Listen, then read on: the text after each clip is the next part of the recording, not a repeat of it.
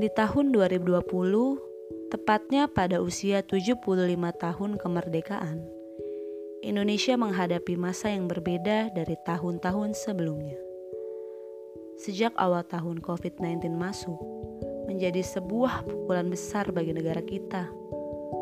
Istilah-istilah baru seperti social distancing, work from home, daring, dan lainnya menjadi sangat populer.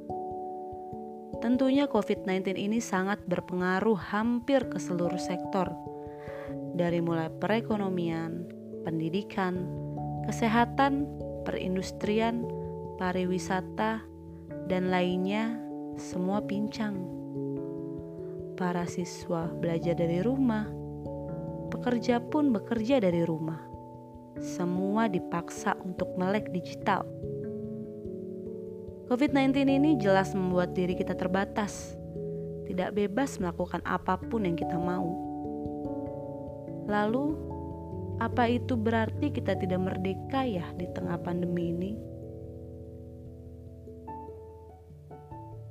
Memangnya sebelum pandemi ini masuk, apa Indonesia sudah benar-benar merdeka?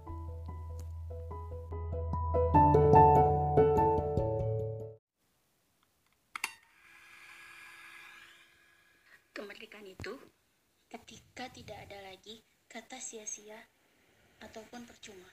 Benar sih. yaitu dia meraih hak atas dirinya sendiri tanpa bisikan orang lain, tanpa kendali dari orang lain, tanpa pengaruh orang lain. Jadi dia tuh menjalankan kehidupannya itu secara pikirannya Eh, sendiri. betul banget sih.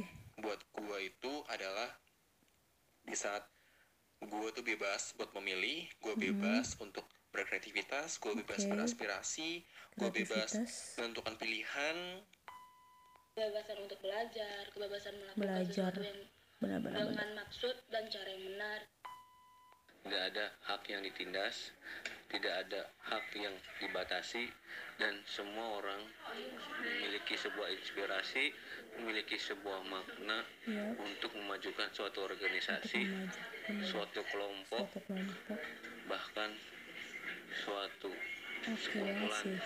orang-orang yang membanggakan dirinya. ketika diri kita itu bisa bermanfaat Ya, untuk orang banyak, untuk bisa bermanfaat. mencerminkan hal-hal yang positif untuk orang banyak. Yes, oke.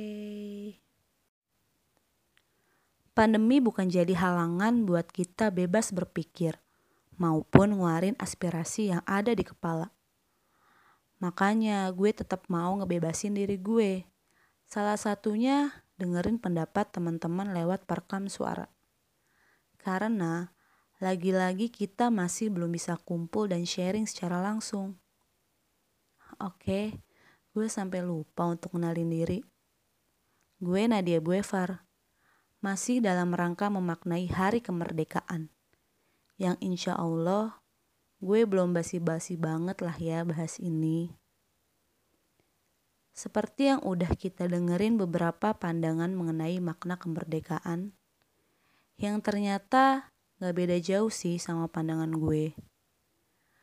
Bagi gue kemerdekaan itu gak muluk-muluk saat lo udah bisa memerdekakan diri sendiri.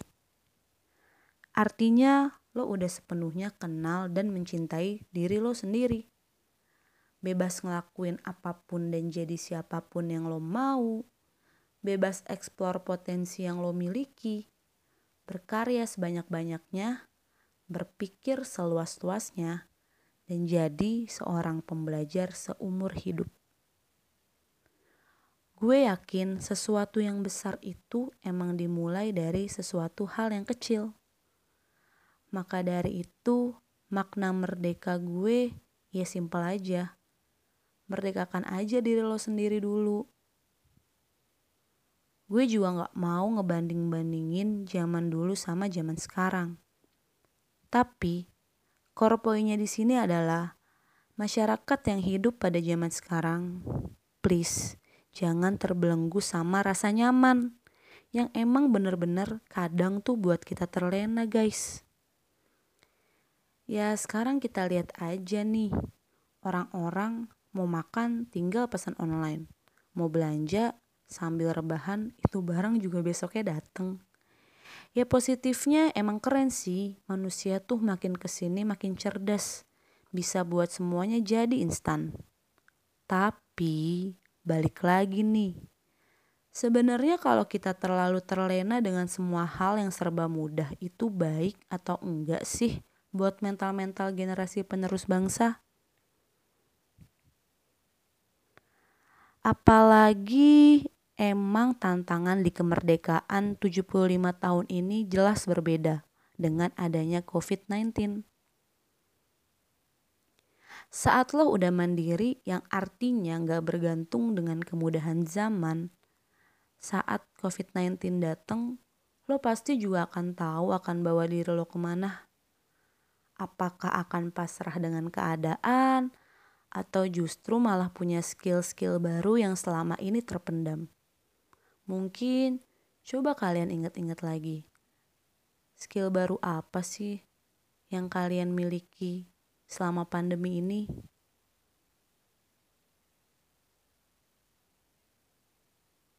Oke, udah inget guys?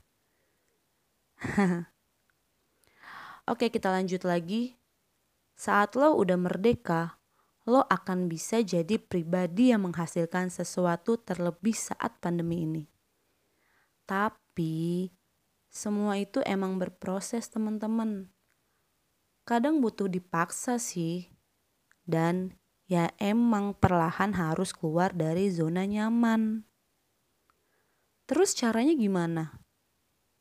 Coba deh perkokoh pondasi diri lo. Di mana lo kenali diri lo sebaik mungkin. Yang pertama, lo bisa dengan cara self compassion atau kata anak zaman sekarang mah me time gitu. Artinya, coba mulai berdialog nih sama diri sendiri. Sebenarnya apa sih yang gue mau? Kadang kan antara pikiran dan hati suka bentrok. Nah, itu artinya lo emang belum berdamai nih sama diri lo dan lo harus sering-sering dialog sama diri lo biar pikiran dan hati lo saling support. Yang kedua, lo bisa tentuin kekurangan dan kelebihan diri lo. Dengan catatan, seiring berjalannya waktu, kita bisa meminimalisir kekurangan dan memaksimalkan kelebihan yang akan menjadi sebuah potensi diri. Dan saat lo tahu potensi diri lo, jangan stop. Lo harus terus mengasah potensi lo. Kalau lo ngerasa potensi lo banyak, ya oke, lo coba semua. Tapi pada akhirnya lo harus memfokuskan potensi mana nih yang mau lo tekunin. Ya intinya capek gak apa-apa, istirahat sebentar, asalkan jangan stop. Nah, kalau kita mau balik lagi ke pertanyaan awal, sebenarnya berada di situasi nyaman dalam tanda kutip ya. Itu baik atau enggak sih buat mental-mental masyarakat Indonesia? Oke, menurut gue kurang sih. Jujur nih, kadang kalau gue mau tarik benang merahnya lagi, sistem pendidikan di Indonesia kan cenderung ngebentuk masyarakatnya tersistem dengan mengedepankan otak kiri yang nantinya ngebuat generasi-generasi kita tuh maunya ada di fase aman aja. Cuman tetap kita nggak bisa juga sih nyalahin hal itu aja.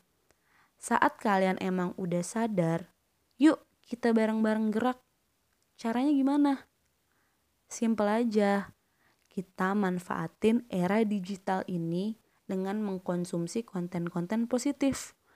Menyebar informasi yang mengedukasi, bahkan bisa menginfluence teman-teman sekitar untuk terus melakukan sesuatu yang positif dan akhirnya bisa buat kita growth mindset. Karena kalau dulu tuh ya buku yang mungkin berpengaruh dalam cara berpikir maupun bertindak seseorang. Tapi sekarang tuh beda. Sekarang konten yang kalian konsumsi lah yang mempengaruhi cara berpikir dan bertindak. Jadi Coba nih, mulai detik ini, kalian mulai selektif terhadap konten yang akan dikonsumsi. Nah, setelah lo paham banget diri lo, tahu potensi-potensi yang lo miliki, itu artinya lo udah cinta sama diri lo sendiri. Dan saat udah cinta, lo gak akan tuh yang namanya bergantung sama orang lain. Karena apa? Apalagi menggantungkan kebahagiaan lo terhadap orang lain. Oke, karena lo pasti akan lebih mengedepankan kebahagiaan diri sendiri dibandingkan kebahagiaan orang lain. Bukan egois sih, tapi karena lo udah cinta sama diri lo.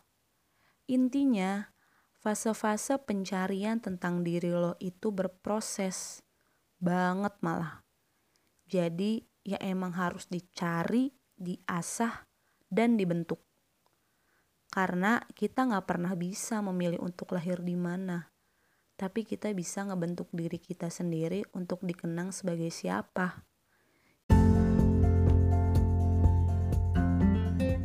Jadi, merdeka itu artinya lo udah mandiri. Mandiri secara lahir maupun batin. Karena kalau lo belum merdeka bagi diri sendiri, gimana lo mau kasih impact buat lingkungan sekitar? Apalagi Indonesia. Saat setiap individu udah berpikir bahwa kemerdekaan diri sendiri itu wajib, maka untuk memberikan impact bagi lingkungan sekitar, kita perlu kolaborasi. Karena bagi gue, ini bukan lagi eranya persaingan, tapi gimana PR tiap individu untuk yuk sama-sama kita kolaborasi dalam memberikan impact yang baik bagi Indonesia, khususnya masyarakat-masyarakat dengan mental pemenang. Karena gimana mau nyelesain permasalahan yang ada di Indonesia kalau mental-mental masyarakatnya masih terfokus di masalah. Saat udah mencintai diri sendiri, lo pasti akan bisa menjadi problem solver dalam menaklukkan masalah-masalah yang lo miliki. Karena lo udah sangat baik mengenal diri lo. Jadi, Indonesia tuh bukan cuma jadi tanggung jawab Pak Presiden, para menteri, atau pemerintahan, tapi Indonesia juga jadi tanggung jawab semua lapisan masyarakat. Kalau kalian belum bisa kasih impact besar untuk kemajuan negeri ini, berikanlah impact bagi diri kalian sendiri.